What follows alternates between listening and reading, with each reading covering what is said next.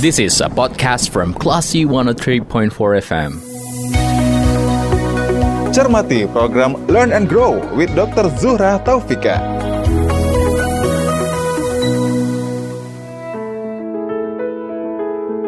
Dari Bumi Karang Putih Darung Padang, 103.4 Kelas FM, this is the actual radio. Assalamualaikum, apa kabar Kelas People? Tetap semangat dan produktif ya, sambil terus mengisi diri dengan informasi bergizi. Seperti program Learn and Grow with Dr. Zuhra Taufika. Saya Lia Priyanka, kali ini saya dan Dr. Fika akan ngobrol tentang pentingnya pemantauan pertumbuhan pada anak berkebutuhan khusus. Assalamualaikum, apa kabar Dr. Fika? Waalaikumsalam warahmatullahi wabarakatuh. Alhamdulillah Alhamdulillah sehat. Semoga semua ini ya classy people di mana saja berada juga dalam keadaan sehat. Amin ya rabbil alamin. Dan uh, terima kasih buat Anda classy people yang selalu setia mendengarkan program ini ya. Mudah-mudahan bermanfaat apa yang saya bicarakan dengan Dr. Vika. Kali ini mengenai pentingnya pemantauan pertumbuhan pada anak berkebutuhan khusus. Dr. Vika nih sebagai pembuka, kita bisa bahas terlebih dahulu barangkali mengenai anak kebutuhan khusus ya. Dalam konteks pembicaraan kita hari ini ini anak berkebutuhan khusus itu seperti apa dok? Silakan. Oke, jadi kalau biasanya nih kita bicara tentang status gizi itu secara umum ya, yang mungkin menjadi pembedanya adalah faktor usia seperti bayi, balita, dewasa, lansia atau kondisi fisiologis seperti ibu hamil, ibu menyusui gitu ya. Tapi kalau kali ini kita akan mencoba nih membahas mengenai aspek pertumbuhan atau status gizi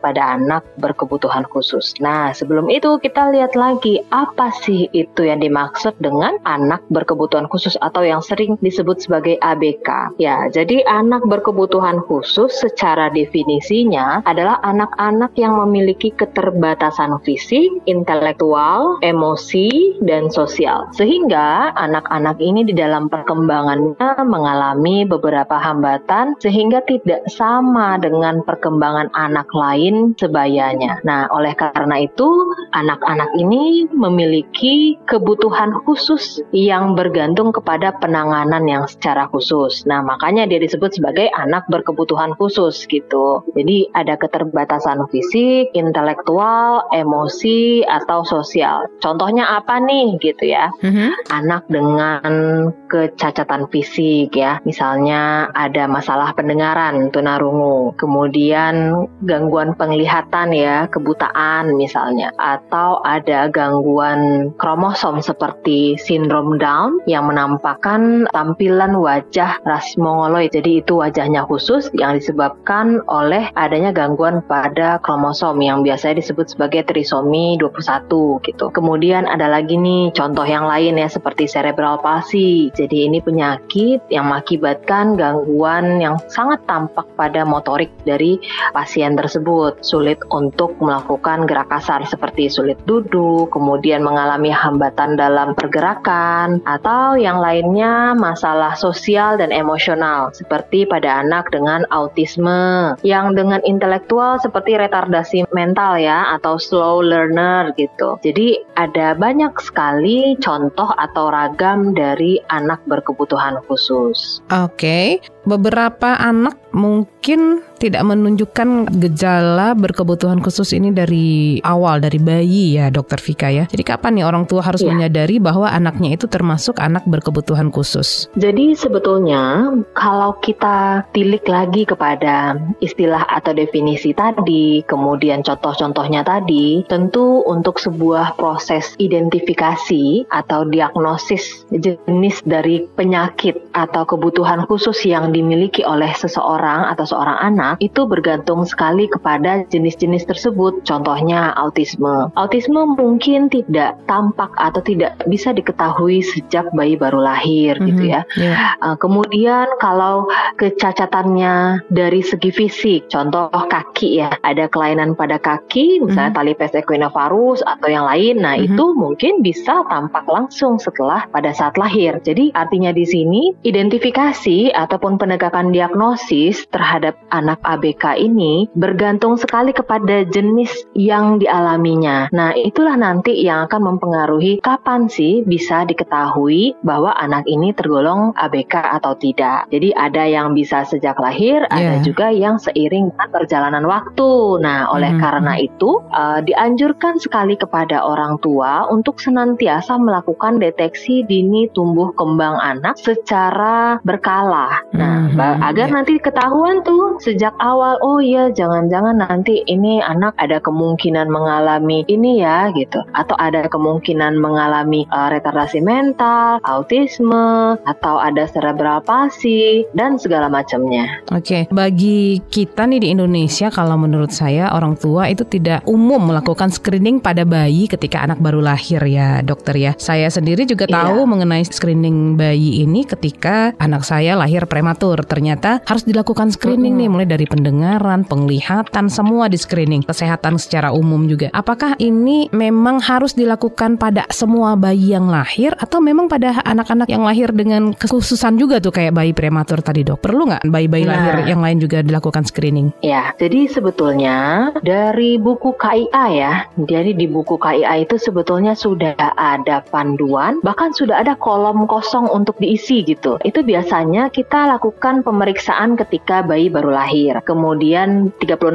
jam, kemudian dalam satu minggu tersebut telah dilakukan proses screening begitu. Jadi artinya ketika setelah lahir sampai beberapa saat setelah lahir, terutama di bulan pertama itu telah dilakukan dan dianjurkan untuk melakukan screening. Jadi tidak hanya pada bayi yang prematur, artinya bayi prematur tentu karena dia terlahir dalam keadaan prematur, maka tendensinya untuk dilakukan screening itu lebih tinggi. Mm-hmm. Namun secara umum semua bayi-bayi yang terlahir sehat pun tetap harus dilakukan screening. Apakah nanti hasilnya akan menunjukkan tidak ada masalah atau ada ya, tapi screening itu penting. Namanya screening berarti kan kita menapis ya, menapis apakah ada masalah nih atau tidak. Syukur-syukur kalau misalnya tidak ada. Tetapi kalau misalnya ada, maka di situ kita sudah melakukan suatu upaya lebih awal untuk menilai adanya masalah pada bayi sehingga nanti kita harapkan tata laksananya juga lebih cepat gitu. Jadi screening ini sebetulnya sudah sudah sangat dianjurkan dan sudah dilaksanakan juga yang umumnya pada bayi yang berumur 48 hingga 72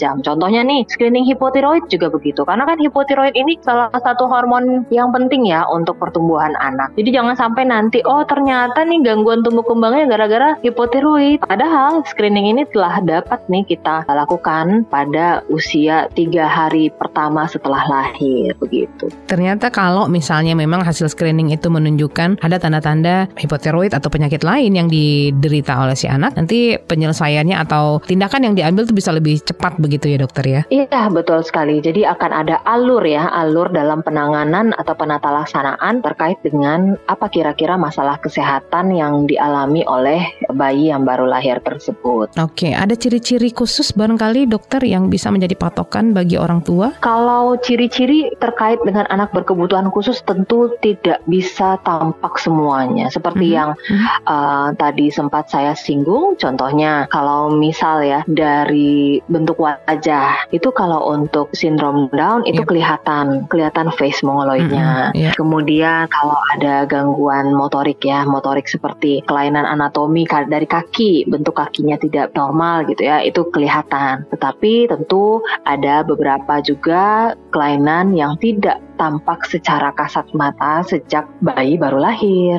Oke, okay. pada usia berapa orang tua itu bisa ibaratnya tuh kayak lega, wah anak saya ternyata normal, tidak berkebutuhan khusus. Apakah kayak autisme misalnya? Pada umur berapa tuh biasanya mulai terlihat? Apakah autisme ini sekonyong-konyong itu memang ditakdirkan anak begitu atau ada pemicu-pemicu nih dokter? Nah, sebetulnya di sinilah letaknya perlu sekali bagi para orang tua ataupun calon orang tua untuk banyak mencari tahu informasi ataupun edukasi seputar bagaimana perkembangan anak nantinya begitu. Jadi contoh, ketika dalam masa kehamilan, ibu kan telah dibekali dengan buku-buku KIA. Di situ ada rangkaian petunjuk atau pedoman perkembangan anak. Misalnya 0 sampai 3 bulan anak seharusnya udah bisa apa, yeah, yeah. baik secara motorik kasar, halus, sosial, emosional seperti itu ya. Nah, itu yang perlu dilakukan pengamatan oleh orang tua secara mandiri. Bisa secara mandirinya dengan menjadikan informasi dalam buku KIA sebagai panduan atau bisa juga dengan menggunakan aplikasi Primaku ya. Jadi ada beberapa pertanyaan yang nantinya itu dijawab oleh orang tua. Nah, dari jawaban tersebutlah nanti terdapat gambaran, oh iya, anak saya baik-baik saja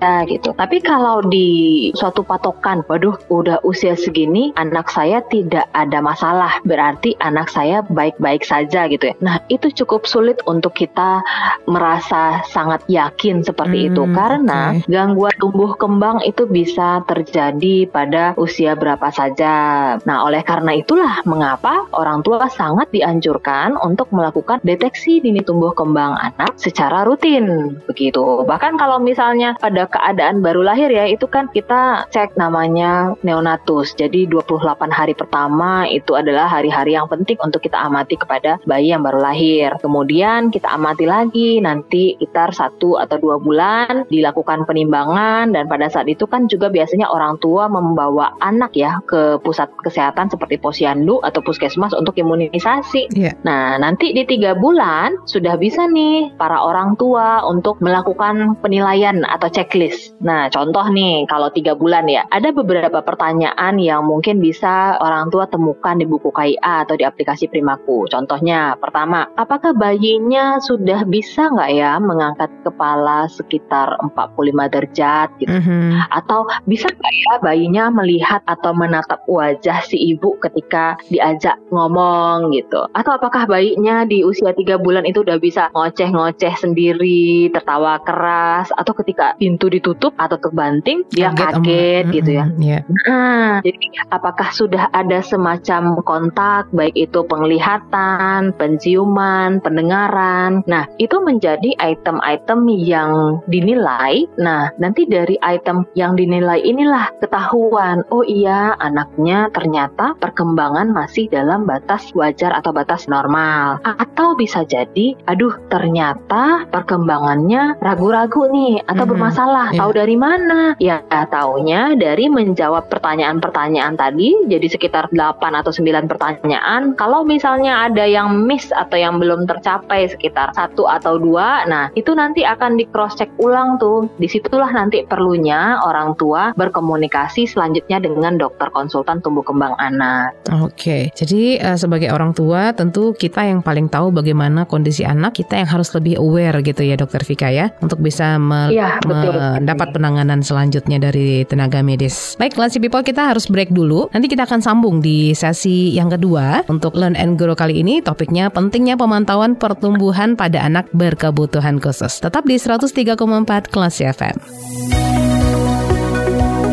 Learn and grow with Dr. Zura Taufika.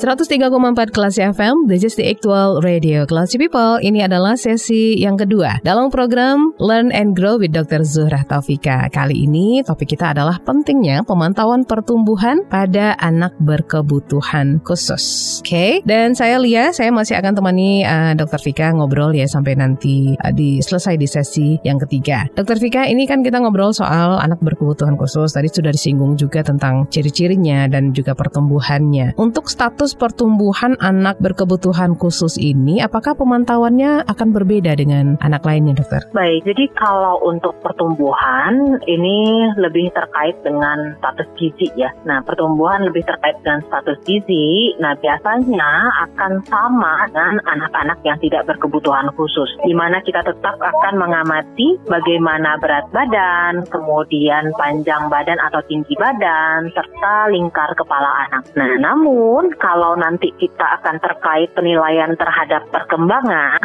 tentu ini menjadi item yang sangat berbeda dengan anak yang tidak berkebutuhan khusus. Oke, Dokter Vika, berarti kalau untuk perkembangannya anak berkebutuhan khusus ini apakah bisa berdampak signifikan, Dok? Iya, jadi kalau untuk anak berkebutuhan khusus tentu perkembangannya itu nanti penilaiannya juga berbeda. Berbeda dalam arti bergantung kepada hendaya atau hambatan atau gangguan tumbuh kembang atau perkembangan yang dialami oleh si anak gitu. Jadi follow up atau monitoringnya bergantung kepada jenis gangguan perkembangan yang mereka alami. Kalau untuk uh, list pemantauannya itu kayak tadi kan kita ngobrol di sesi pertama itu contohnya uh, buku KIA gitu ya. Apakah listnya bisa disamakan dengan buku KIA tersebut atau ada list khusus nih yang harus jadi uh, perhatian um, orang tua? Ada, ada toolsnya lagi. Mm -hmm. Jadi mm -hmm. yang ada di buku KIA itu adalah semacam parameter atau item checklist yang umum ya. Yeah. Nanti kalau misalnya anak ada terindikasi untuk autisme ataupun ada gangguan emosional, itu ada lagi jenis tes lainnya atau jenis form lainnya gitu. Jadi masing-masing itu tentu ada kekhususan yang di mana nanti yang akan melakukan tes itu utamanya adalah dokter konsultan tumbuh kembang anak. Karena kalau anak berkebutuhan khusus yang tidak terlihat secara fisik, memang harus keluarganya dulu nih yang aware ya, dokter Vika ya. Ya, betul. Misalnya autisme tadi, misalnya gitu ya. Secara umum kita awam kayaknya yang kita tahu itu cuma autisme, dokter. Apakah ada uh, eh, non fisik lainnya, kebutuhan khusus lainnya non fisik yang bisa jadi uh, patokan orang tua? Ya, jadi kalau non fisik lainnya, contoh ya ketika anak ada mengalami gangguan belajar, misalnya. Gangguan belajar kan juga termasuk gangguan atau hambatan dalam perkembangan. Gangguan fokus, misalnya ya, ya, ya atau betul. gangguan dalam bersosialisasi juga. Nah, itu mungkin secara fisiknya aman-aman saja, tetapi kita tidak bisa memutuskan seperti itu saja, melainkan sebaiknya melewati serangkaian pemeriksaan terlebih dahulu atau yang biasa disebut sebagai asesmen tumbuh kembang anak. Mm -hmm. Jadi kalau ingin komplit, biasanya itu seorang anak akan dinilai oleh beberapa asesor, utamanya adalah dokter konsultan tumbuh kembang anak. Nanti apabila anak memiliki gangguan atau perkembangan misalnya terkait dengan perilaku nih, maka si anak juga bisa dikonsultasikan dengan psikolog klinis anak dan remaja. Nah, hmm. Kemudian jika misalnya anak ada gangguan perkembangan lainnya, nah nanti dokter spesialis konsultan tumbuh kembang anak juga akan merefer atau merujuk kepada dokter spesialis kedokteran fisik dan rehabilitasi. Jadi artinya di dalam hal ini ada banyak pihak yang nantinya akan terlibat dalam melakukan asesmen terhadap tumbuh kembang anak. Supaya apa? Ya supaya nanti secara bersama-sama bisa membantu untuk tetap mengoptimalkan tumbuh kembang anak ini. Jadi ini akan menjadi serangkaian upaya yang cukup panjang dan melibatkan banyak orang begitu ya dokter Vika ya? Iya betul sekali. Dan sejatinya memang begitulah tumbuh kembang anak ya sampai menjadi dewasa. Mm -hmm. Artinya mhm. kita sebagai individu ternyata hidup di dunia ya tidak hanya serta-merta lahir kemudian besar begitu saja. Tapi banyak faktor yang mempengaruhi. Tidak hanya sekedar genetik yang memang diturunkan dari orang tua. Tetapi yang lebih besar pengaruhnya tentu lingkungan. Ah, Dan lingkungan ini memberikan pengaruh dengan beragam cara.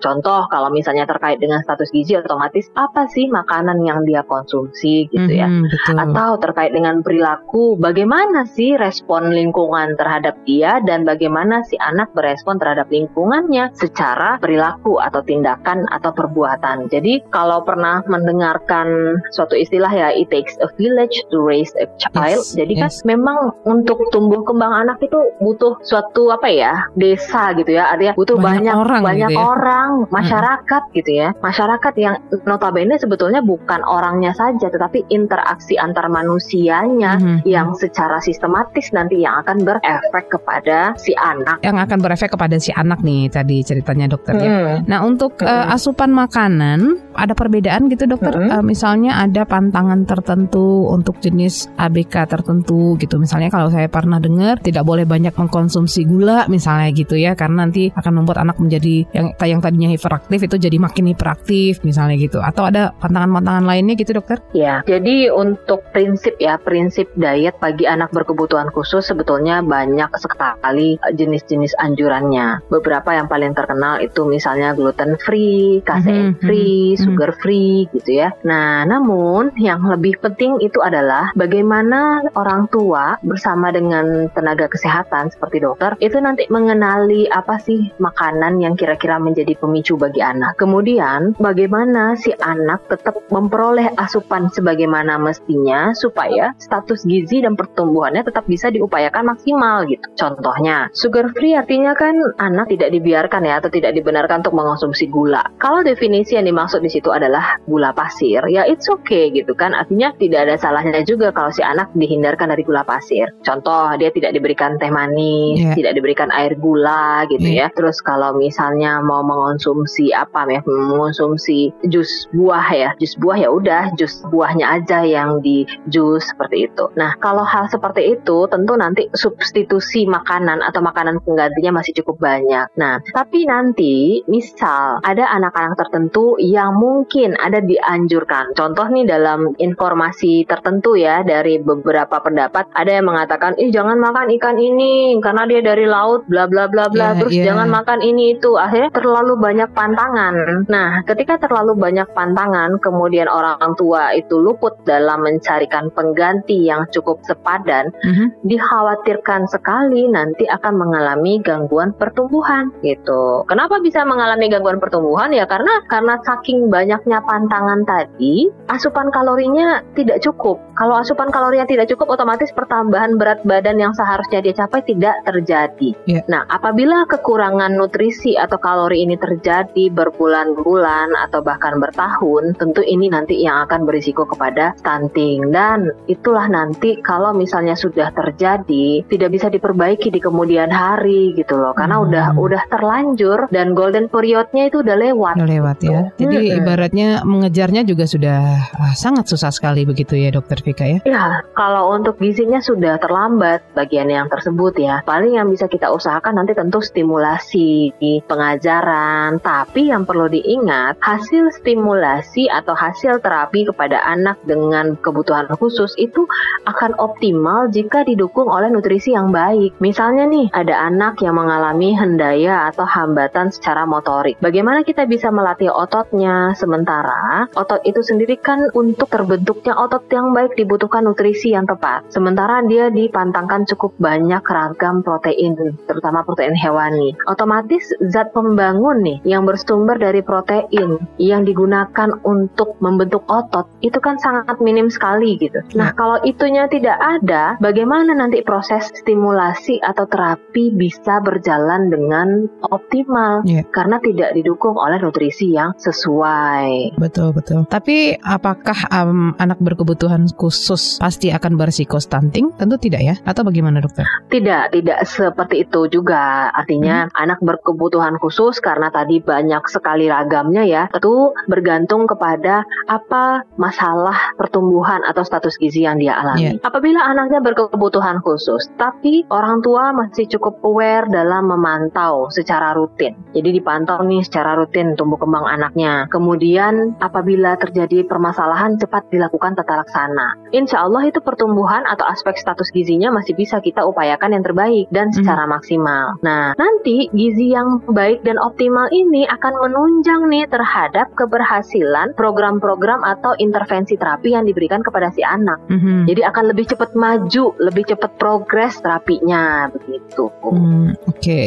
ya betul sekali yang dokter uh, Vika bilang tadi memang harus aware nih semua orang yang ada di sekitar anak-anak ini gitu ya dokter Vika ya. Resiko hmm. lain dalam aspek pertumbuhan dan perkembangan bagi anak berkebutuhan khusus apa dokter? Iya, resiko lainnya karena nanti si anak akan bersekolah atau akan melanjutkan pendidikan, kemudian juga nanti akan menjadi dewasa, bekerja. Tentu resiko dalam jangka panjangnya adalah terhadap bagaimana kelanjutan pendidikan dan pekerjaan si anak. Jadi lebih kepada status pendidikan, kemudian status pekerjaan, di mana kita berharap anak bisa mandiri, kemudian bisa mencapai tahapan tumbuh kembang yang optimal yang dia mampu capai, dan mampu nanti menghasilkan produktivitas yang baik. Jadi dia bisa menjadi seseorang yang berdikari gitu. Artinya, anak berkebutuhan khusus tidak serta-merta kemudian selesai seperti itu saja. Tidak, bukan berarti dia tanpa harapan. Bahkan banyak loh anak-anak yang berkebutuhan khusus tapi punya segudang prestasi gitu. Selama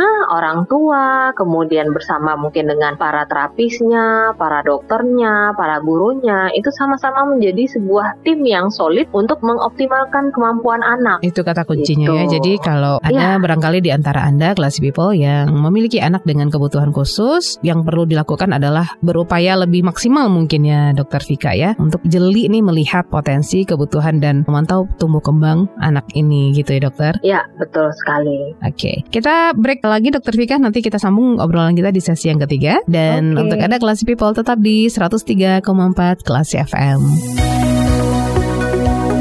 Learn and grow with Dr. Zuhra Taufika.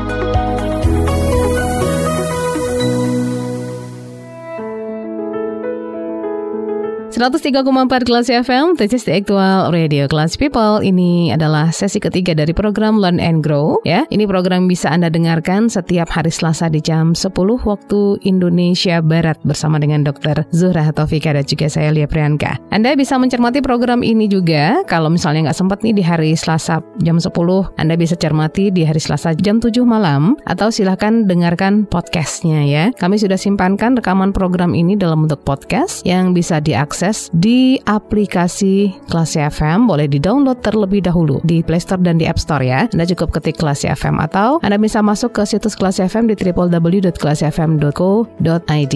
Ada banyak cara untuk bisa mendengarkan kembali program Klasi FM, termasuk Learn and Grow. Topik kali ini Klasi People pentingnya pemantauan pertumbuhan pada anak berkebutuhan khusus. Dokter Vika, bagaimana cara mengoptimalkan pertumbuhan anak berkebutuhan khusus? Oke, jadi langkah pertama adalah orang tua mengenali apa saja sih masalah-masalah yang mungkin diperoleh ya atau mungkin dialami oleh anak di setiap fase tumbuh kembangnya. Hal ini bisa dimulai dengan cara mencari informasi sebanyak-banyaknya dari sumber yang terpercaya ataupun dari buku ya atau modul yang terpercaya. Salah satunya yaitu buku KIA tadi. Jadi misalnya nih ibu hamil. Ketika dia hamil, dia akan punya cukup waktu untuk mempelajari terlebih dahulu. Oh iya nih, nanti kalau saya lagi hamil begini, saya harus memperbaiki nutrisi saya, saya harus kontrol kehamilan 6 kali selama 9 bulan ini gitu ya. Kemudian ketika menjelang persalinan, oh ini ternyata tanda-tanda persalinan yang perlu diketahui karena nanti ada gangguan persalinan itu bisa berisiko loh menimbulkan anak menjadi memiliki kebutuhan khusus. Itu salah satunya. Kemudian udah lahir anak, udah lahir anak apa sih yang perlu dipantau, screeningnya kapan saja, apa saja yang di screening. Nanti pemantauan pertama, apakah pengukuran berat badannya kapan sebaiknya, tinggi badan atau panjang badan, lingkar kepalanya kapan gitu. Jadi misalnya di tahun pertama pemantauan status gizi itu dilakukan setiap bulan secara rutin misalnya. Nanti deteksi dini tumbuh kembang anaknya per tiga bulan di tahun pertama. Nah hal-hal seperti itu sebaiknya diketahui oleh orang tua karena informasi itu sudah cukup lengkap. Tinggal sekarang kita membaca informasi tersebut, mencoba memahaminya. Kalaupun tidak paham, mungkin para orang tua bisa nih belajar berdiskusi dengan para dokter ataupun dengan tenaga kesehatan untuk menanyakan atau mengkonfirmasi ulang informasi yang mereka baca sendiri atau dapatkan sendiri. Nah,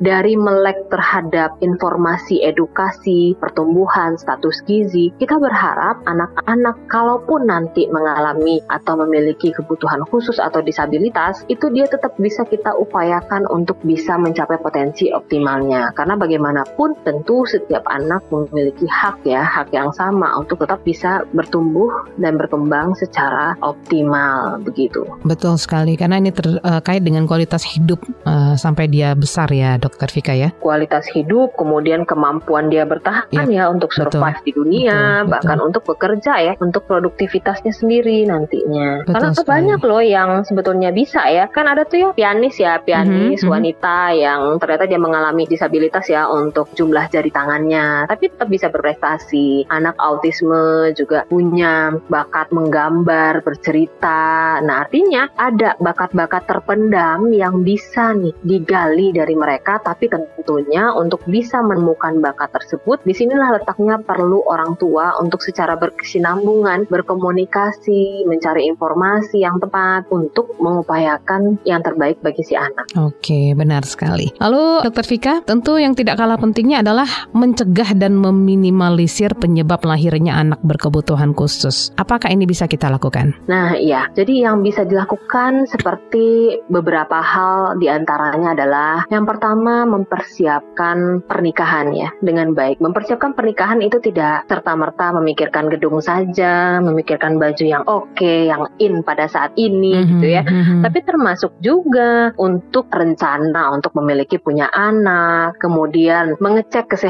individu, kesehatan calon ayah dan calon ibu. Misalnya perempuannya nih bagaimana caranya supaya tidak anemia pada saat hamil. Bagaimana perempuannya memiliki lingkar lengan atas yang cukup baik atau normal 23,5 cm atau lebih gitu ya. Nah, itu yang perlu dipikirkan menjelang pernikahan. Ketika misalnya sudah menikah, tentu ada risiko hamil. Nah, kehamilan sebaiknya direncanakan. Kenapa? Karena dengan perencanaan berarti kita sudah merancang suatu hal yang lebih baik di masa depan. Barulah nanti perencanaan itu yang kita gawangi. Misalnya di buku KIA kan sudah jelas ya berapa sih kenaikan berat badan ibu setiap bulan. Mm -hmm. Itu hal yang simple tapi itu berpengaruh loh. Nanti misal nih ibunya overload ya, overload kalori sehingga lahirnya besar sekali, besar sekali. Nanti ada risiko hipoinsulin misalnya ya atau mengalami uh, diabetes pada saat uh, lahir atau kemudian ada gangguan lainnya. Nah, apalagi kalau misalnya ada infeksi ya, biasanya kita sebut infeksinya TORCH. Nah, pemeriksaan kesehatan bagi calon pengantin atau calon ibu itu mungkin juga bisa menjadi suatu langkah. Nah, namun kadang-kadang tidak semua hal ya bisa kita lakukan pencegahan. Tentunya jika itu terjadi, kesiapan mental kita pada saat berumah tangga dan pada saat memutuskan untuk memiliki anak, kemudian hamil dan menyambut kelahiran itu jauh lebih utama. Karena ketika kita sudah